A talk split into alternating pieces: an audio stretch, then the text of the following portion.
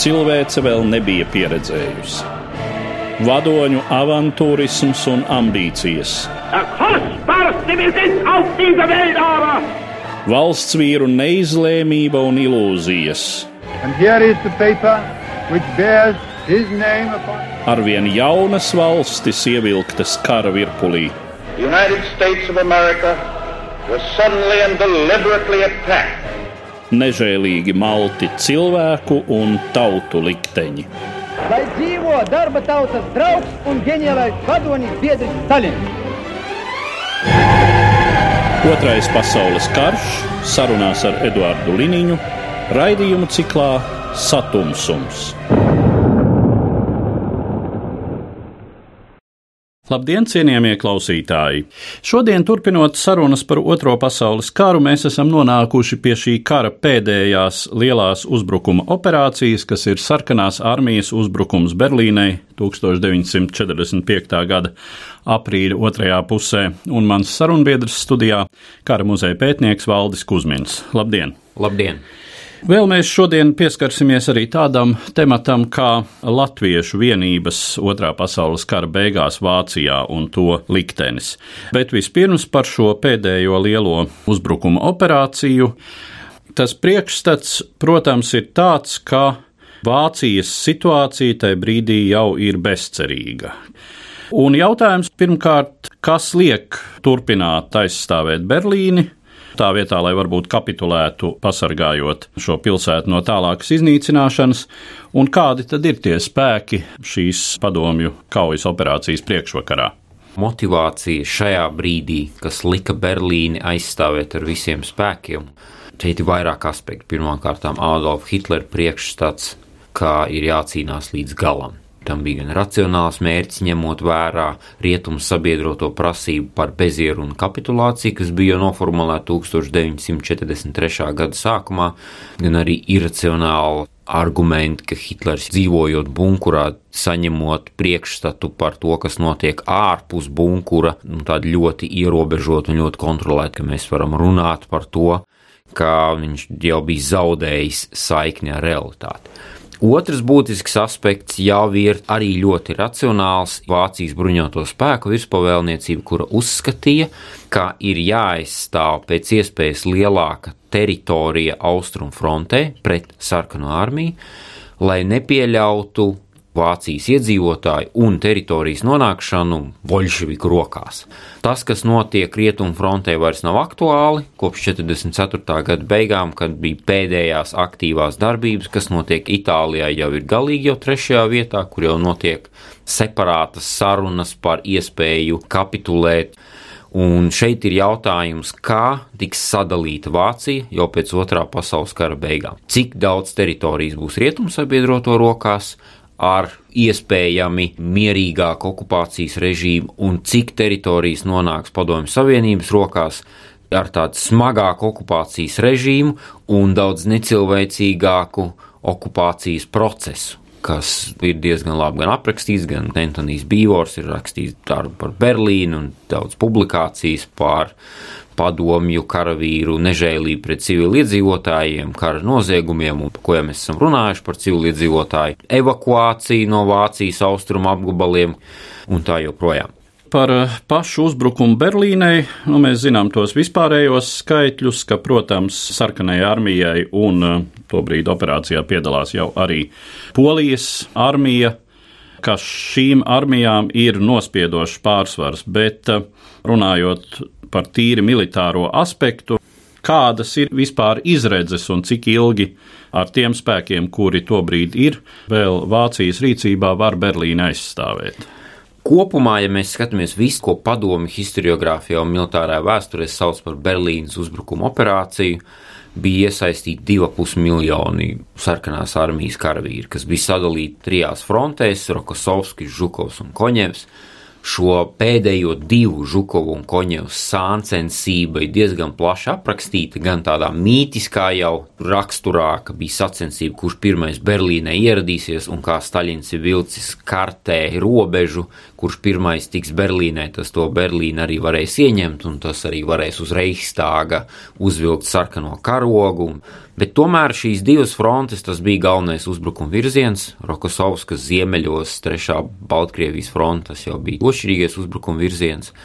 Un skaitļi, ko sarkanā armija piesaistīja kopēji šai uzbrukuma operācijai, nu, savā ziņā ir fantastiski. Jā, 6250 tanki, lidmašīnas, ja nemaldos, 7000. Artilērija, kas bija pieejama, bija 40,000 un vairāk. Skaitļi dažādi, ja ņem vērā, kādi kalibri tiek uzskaitīti vai kādas artilērijas sistēmas tiek uzskaitītas. Un tas, ka padomju vadība jau sāk izmantot atomu kara mērvienības, kad to mēr jau nevis lielgabalu šāviņos, bet kilotonnās. Tas ir cik daudz sprāgstvielas uz kvadrātkilometru, piemēram, jau tiek izmantots, ja būs frontes kilometri, tiks izlietots. Šīs kaujas arī no Vācijas bruņoto spēku puses ir ļoti grūti nodefinēt, cik bija. Padomju historiogrāfi vienmēr ir minēta apmēram viens miljons karavīru, bet tas ir stipri pārspīlēts, jo šeit jau tika ieskaitīti pilnīgi visi. Un, te, protams, arī ugunsdzēsēji skaistās uniformās arī tiek pieskaitīti. Tāpat tiek skaitīts Vācijas bruņoto spēku visas lidmašīnas, kas atradās Vācijā, jo, protams, brīdī, kad rietumu sabiedroti arī virzās, lidmašīnu var izmantot vienu dienu pret rietumu sabiedrotiem, otru dienu pret padomju armiju, un ļoti daudz kas tā arī tika darīts. Tiksim, modernākie reaktīvie iznīcinātāji Messerschmitt arī šādā veidā tika izmantot. Šie skaitļi ļoti, ļoti grozās uz vienu vai uz otru pusi.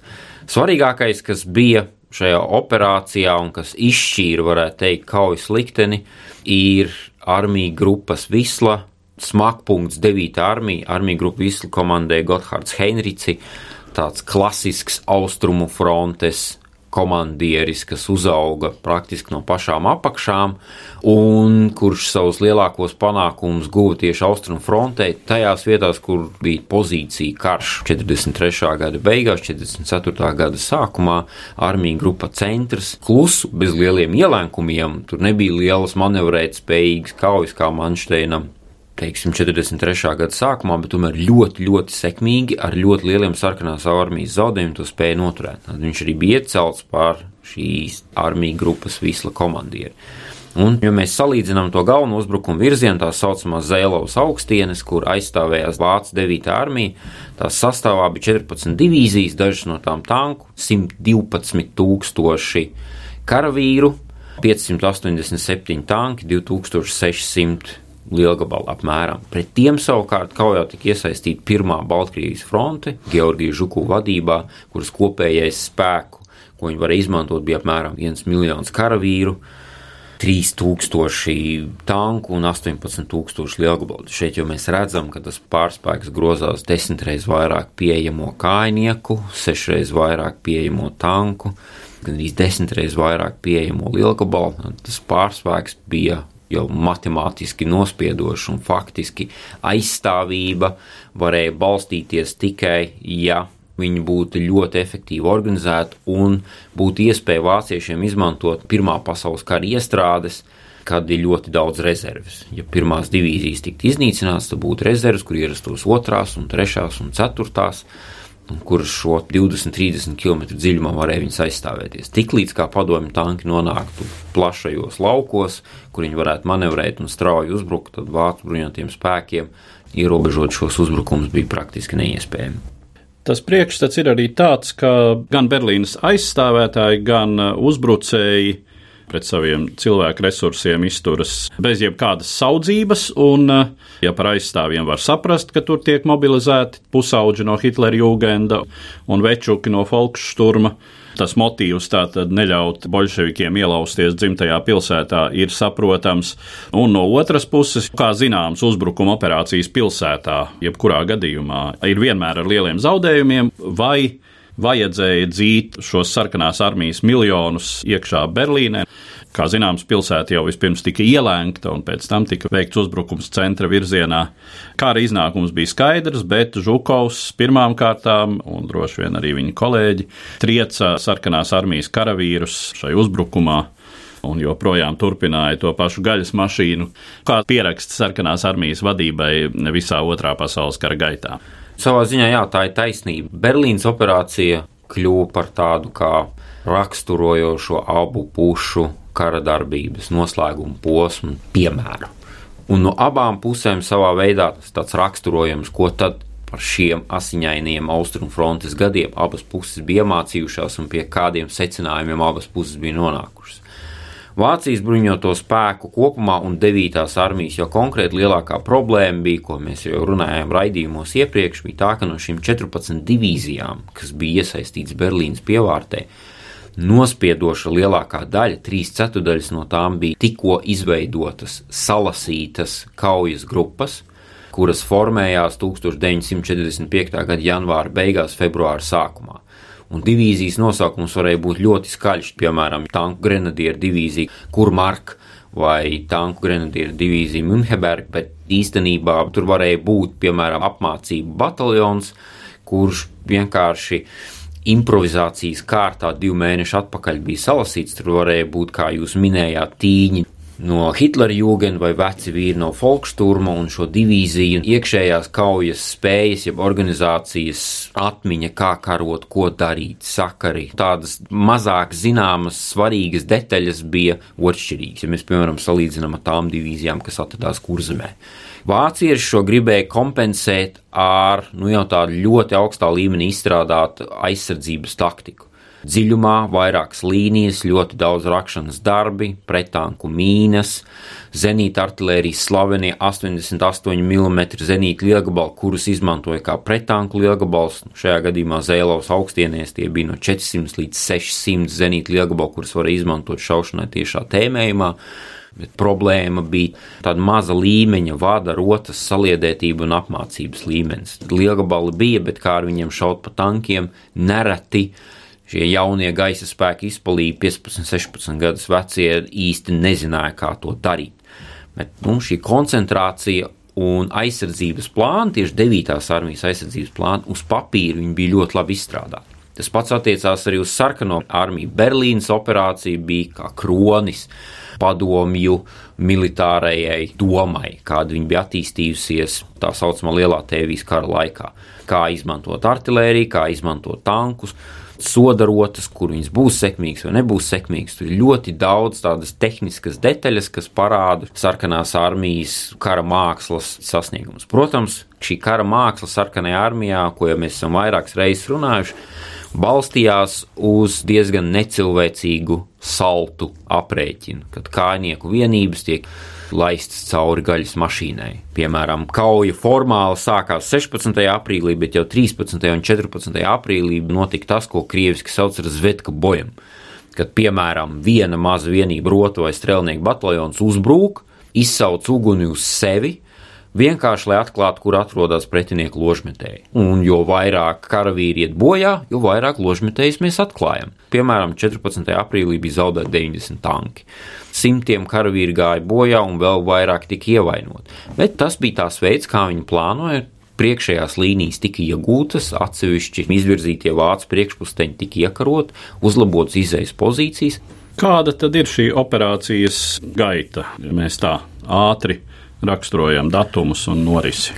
Sāncensības ietvaros galveno uzbrukumu bija paredzēts veikt pirmajai Baltkrievijas frontei Georgijas Žukuma vadībā no iekarotajiem placdarmiem Oderas rietumu krastā, tad salīdzinoši netālu no Berlīnas, apmēram 100 km. Uzbrukums pilnīgi prognozējumā vietā, Visiem bija skaidrs, ka uzbrukums būs no turienes, lai gan padomju literatūra ir aprakstīta, kā viņi mēģināja vāciešus maldināt, cik sekmīgi tas bija, bet nu, skaidrs, ka nevar neuzkrītoši noslēpt 6000 tankus. Žukovam bija ļoti ierobežotas manevru iespējas. Viņam nācās uzbrukt frontāli, uzbrukt ar divām tanku armijām, un kas bija diezgan neraksturīgi arī padomju militārajai skolai, jau sākotnēji bija paredzēts, ka tanku armijas izmantos kaujām pilsētā. Berlīna bija jāielēns, un pēc tam jau bija jāiesaistās šajās cīņās. Tas bija tas plāns. Plāns uz papīra bija ļoti optimistisks. Berlīnas ielenkšana bija jāpabeidz jau trešajā dienā, un kaujām pa Berlīnu bija praktiski jābeidzās jau pirmās nedēļas laikā. Pirmās Baltkrievijas frontes un pirmās Ukrainas frontes uzbrukumi netika savstarpēji precīzi saskaņoti. Pirmā Ukraiņas fronte, kas uzbruka stipri tālāk uz dienvidiem, uzbruka ziemeļrietumu virzienā. Viņiem bija daudz lielāka vieta, kur manevrēt, un tādēļ arī uzbrukums šajā rajonā bija daudz sekmīgāks. Galvenās uzbrukums sākas 16. aprīļa pulkstenis 5 no rīta pēc Maskavas laika vai pulkstenis 3 pēc Berlīnas laika. Pirmās Baltkrievijas frontes sektorā kaujas par Zēlovas augstienēm. Tā gluži nav augstiene, šī vārda tiešām nozīmē, tas ir Oderas senkrasts, kas bija apmēram 40-50 metrus virs Oderas ielas. Sarkanās armijas vienības atradās pārplūstošajās Oderas pļavās, kas konkrēti aprīļa vidū nebija pārplūdušas, galvenokārt pateicoties vairākiem desmitiem kanālu, kas arī radīja būtiskas uzbrukuma ierobežojumus. Sarkanās armijas vienībām bija jāizkļūst no palienām, jāuzrāpjas senkrastā, un pēc tam jau bija jāuzbruk Berlīnas virzienā. Zēlaus augstienes pārvarēšana prasīja četras dienas, no 16. līdz 20. aprīlim Un faktiski tieši Zēlaus augstienēs pirmā Baltkrievijas fronte cieta vislielākos zaudējumus. Vairāk nekā tūkstots tankus. Nu, ja mēs rēķinām, ka kopā vispār Berlīnas operācijā neatgriezeniski zaudēja gandrīz 2000 tankus, tad šajās pirmajās sešās dienās tikai viena fronte zaudēja gandrīz ceturto daļu no visiem kopā neatgriezeniskiem zaudējumiem. Tas jau, ko es minēju, ja bija iespēja Berlīnu aizstāvēt, tā iespēja bija Zēlaus augstienēs kur tomēr to izdevās izgrausties cauri. 21. aprīlī jau sākās skriešanās uz Berlīni, kad jau bija skaidrs, ka frontes līnija ir sabrukusi un ir tikai laika jautājums, vai Berlīna ieņems un kādā formā Berlīna ieņems un cik daudz Berlīna cietīs. Tas jau bija skaidrs visiem, varbūt izņemot Hitleru pašā bunkurā. Pirmās Ukraiņas frontes uzbrukums bija daudz nu, tāds klasiskāks sarkanās armijas uzbrukums. Ļoti šaurā frontes sektorā tika forsēta Neises upe. Tanku armijas pretēji Žukovam netika izmantotas pirmo ierakumu līniju pārvarēšanai, bet jau tika iesaistīts kaujā, tad, kad pirmā līnija ir sagrauta, kur viņas varēja svaigas kolonnās izvērsties un jau uzbrukt ziemeļrietumu un ziemeļu virzienā līdz pašai Berlīnai. Tas ir 24. un 25. aprīlis, kad 9. armija praktiski jau tiek ielenkta.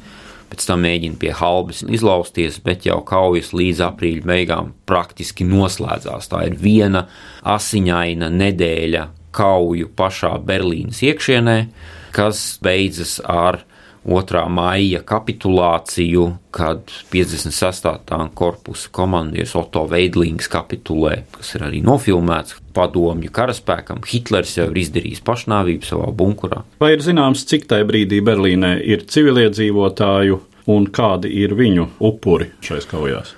Vispār vācu puses upuru šajās kaujās ir ļoti grūti saskaitām padomju puses vērtējums ir 400 tūkstoši bojā gājušie, bet tas ir tāds ļoti diskutabls jautājums, cik tie bojā gājušie ir karavīri un cik civiliedzīvotāji. Upuru skaits ir mērāms simtos tūkstoši noteikti, kas bija neglābjami kauju apdzīvotā vietā blakus efekts. Tur neko nevar darīt. Ja kājnieku uzbrūk gar ielu, notiek cīņa, viņi vienmēr metīs granātas pagraba logos. Un, ja tajā pagrabā atrodas civiliedzīvotāji, tad viņi neglābjami iet bojā. Berlīna reāli netika gatavota. Tie nebija ne tuvu adekvāti resursi, laiks un arī plāni nebija adekvāti. Un viens no tiem iemesliem bija tas, ka vācu bruņoto spēku augstākie virsnieki pretojās pašai idejai par to, ka no Berlīnas taisīt ielēktu cietoksni un tur arī turēties līdz pēdējiem brīdim.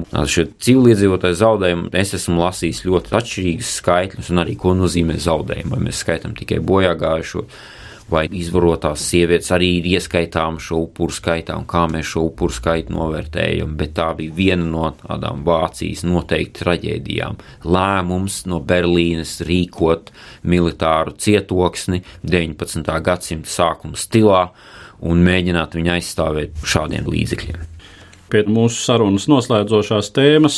Tātad latviešu karavīri Vācijā otrā pasaules kara noslēgumā. Pirmām kārtām mēs šeit runājam, protams, par latviešu Vafenes S-15 divīziju. Jā, tā 15. divīzija, kas nonāca tā laika Vācijas teritorijā 1944. gada augusta beigās, septembra sākumā, improvizācijas ceļā. Tas nebija Himmlera vai Hitlera plāns. Tad, kad pirmās 15. divīzijas vienības nonāca Dancigas, respektīvi Gotenhāfenes ostā, tas bija pilnīgs pārsteigums visiem vietējiem ieroču SS komandieriem. Neviens nezināja, kur viņus likt, ko ar viņiem darīt, un vēl nedēļu pēc pirmo vienību ierašanās notiek telefons sarunas starp Berlīnu un Dancigu, kur mēs viņus liksim, ko ar viņiem darīsim. latviešu karavīru liktenis Vācijā savā ziņā ļoti traģisks vairāku apstākļu dēļ. Tie bija tikko mobilizētie latviešu jaunieši, 18, 19 gadus vecie, kuri brīdī, kad viņus izveda no Latvijas, pat nebija mobilizēti. Formālā viņu mobilizācija notika jau Vācijas teritorijā, Ziemeļpomerānijā, Austrum Prūsijas apmācības laukumā. Un tikai pēc tam sāk domāt, kā viņus apmācīt, no kurienes ņemt ieročus, sāka no nepareizās kājas jau uzreiz. Un mēnešiem ejot, tas tikai pastiprinājās, jo no Latvijas tika atvest evakuētie policijas karavīri, dažādi policijas bataljoni, policijas pulki, tajā skaitā arī drošības policijas divu bataljonu, tā saucamie bijušie arāja komandas karavīri ar pašu Viktoru arāju priekšgalā, kurus arī neviens nezināja, ko ar viņiem darīt, kur viņus likt, piemēram, policijas pulka karavīri bija kā karsts kartupēlis, ko nezināja, ko ar viņiem darīt. Beigās viņus izmantoja kā sapierus, tā saucamos tornas grāvračus, ieročus viņiem neizdalīja, un tā viņi klīda par Pomerāniju līdz pat 1945. gada marta sākumam, kad visa šī teritorija bija zaudēta un vācu karaspēks bija spiests atkāpties marta beigās vairāki tūkstoši 15. divīzijas karavīri tika nosūtīti atpakaļ uz kurzem. Ir atmiņas, ka bija karavīri, kas pieteicās brīvprātīgi, daļēji viņas vienkārši atlasīja un nosūtīja, kas būtiski grāva divīzijas kaujas spējas šīs kaujas spējas. Tā jau bija ļoti zemā līmenī, tāda objektīva iemesla dēļ. Tas ir pozitīva, visiem saprotama cīņas mērķa trūkums. Līdz ar to, ka 1945. gada janvāra beigās 15. divīzijas improvizētās vienības tika iesaistītas kaujās, viņas nebija labākajā stāvoklī. Un kaujas, kas lielākoties praktiski bija atkāpšanās ar kauju, janvāra beigās, februārī līdz pat marta vidum, bija tādas ļoti asiņainas ar lieliem zaudējumiem, daudz gūstekņu, daudz bezvēsts pazudušo, daudz arī noklīdušo, arī dezertējušo. Marta beigās 15. divīzija nonāca no Brandenburgā, tad no tās jau bija palikusi tikai ēna un bija jāsāk atkal improvizācijas ceļā mēģināt šo divīziju būvēt no jauna. Lai gan, ja mēs skatāmies vācu kartēs, tad jā, bija ļoti smuki tāds zils apaļš riņķīts, ir iezīmēts, Neubrandenburgā, viņi atrodas rezervē, bet reāli tā bija tāda fikcija, kas ļoti raksturo to, kas notika Vācijā aprīļa beigās. Pieļauju, ka Hitlers skatījās kartē ar pirkstu bakstīju un redzēja tur 15. divīziju, bet es šaubos, vai viņam bija skaidrs, ko reāli 15. divīzija tajā brīdī varēja izdarīt. Runājot par kaujām Pomerānijā, janvāra beigas, februāra sākums. Tur ir viena tāda epizode, kuru regulāri šobrīd piesauc. Krievijas propaganda, tātad šī iespējamā 32 poļu kara gūstekņu nogalināšana. Saprotamu iemeslu dēļ šobrīd Krievijai ļoti patīk to atgādināt.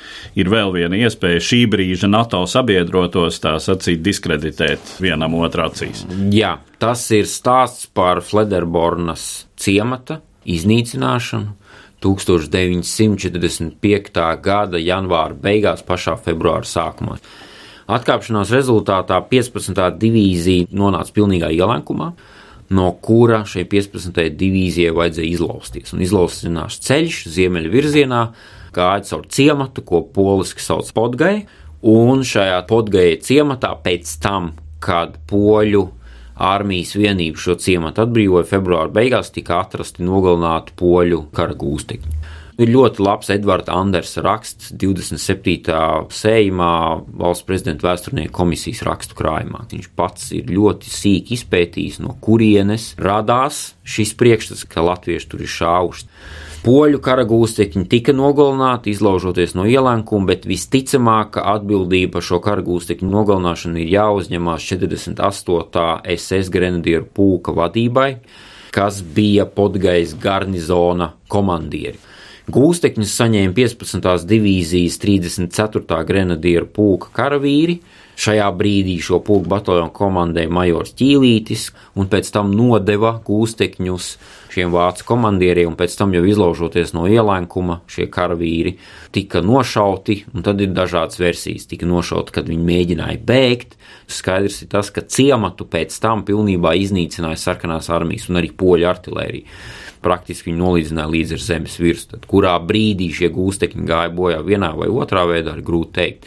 No latviešu puses ir atmiņās rakstīts, ka poļi tika saņemti gūstā, ir liecības, ka poļi tika atlaisti kā gūstiņi, vienkārši viņas nebija kur likt atkāpšanās laikā. Un tāpat ir ļoti precīzas liecības par to, ka poļi šāva arī latviešu leģionārus vēl pirms podgai. Tā ir, diemžēl, austrumu frontes neatņemama kaujas sastāvdaļa, par ko jau mēs esam runājuši, ļoti lielais nežēlības līmenis abās pusēs.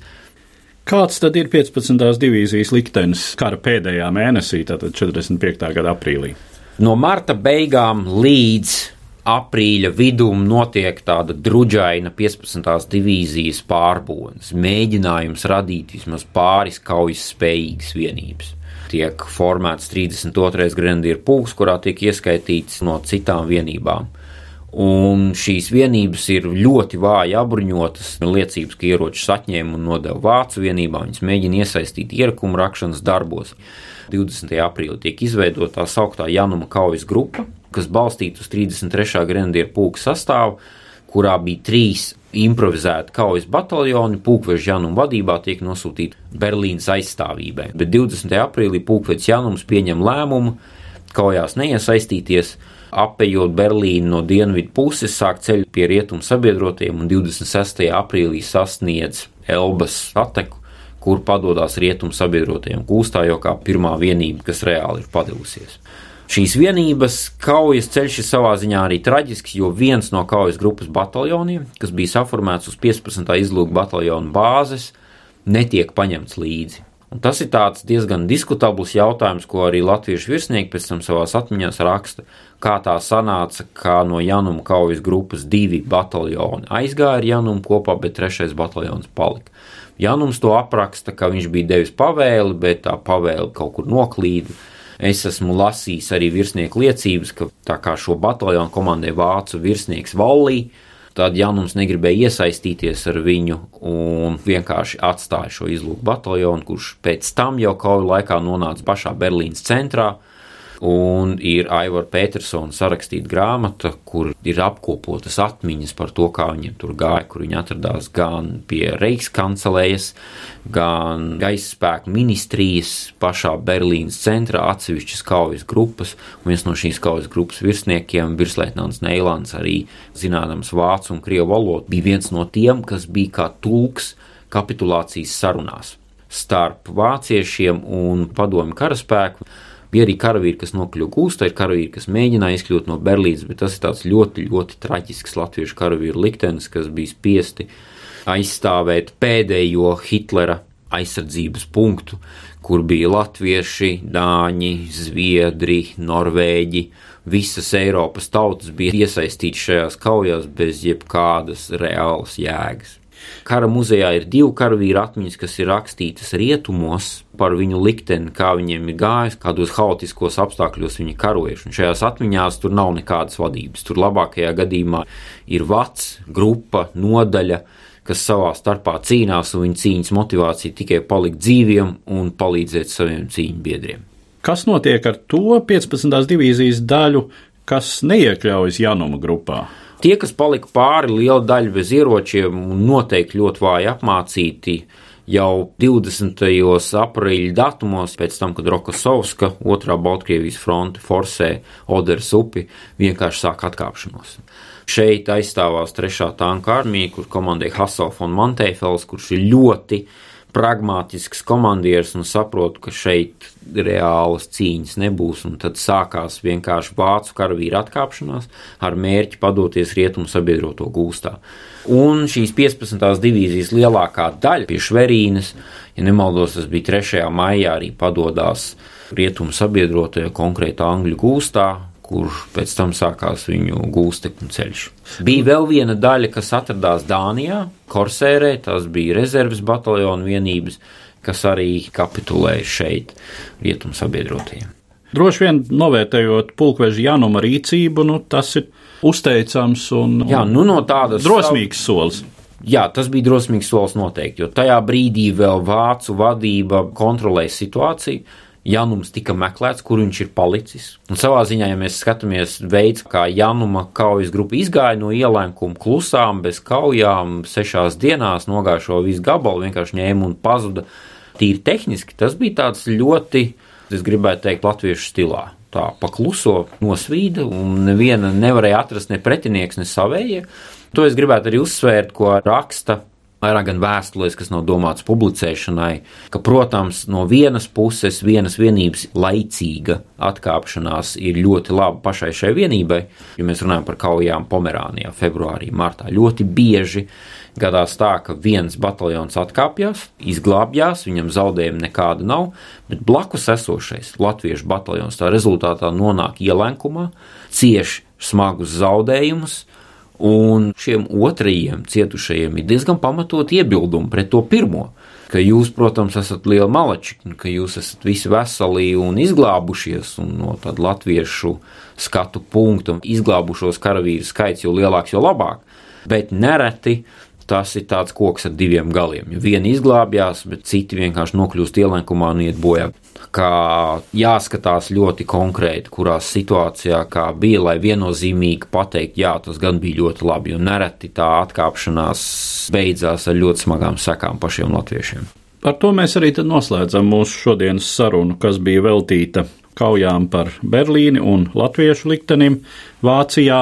Otrā pasaules kara noslēgumā, un es saku paldies manam sarunbiedram, kara muzeja pētniekam Valdim Kusminam. Paldies! Uz redzēšanos! Raidījumā šīs dienas acīm cikls Satumsums - sarunas par Otro pasaules karu.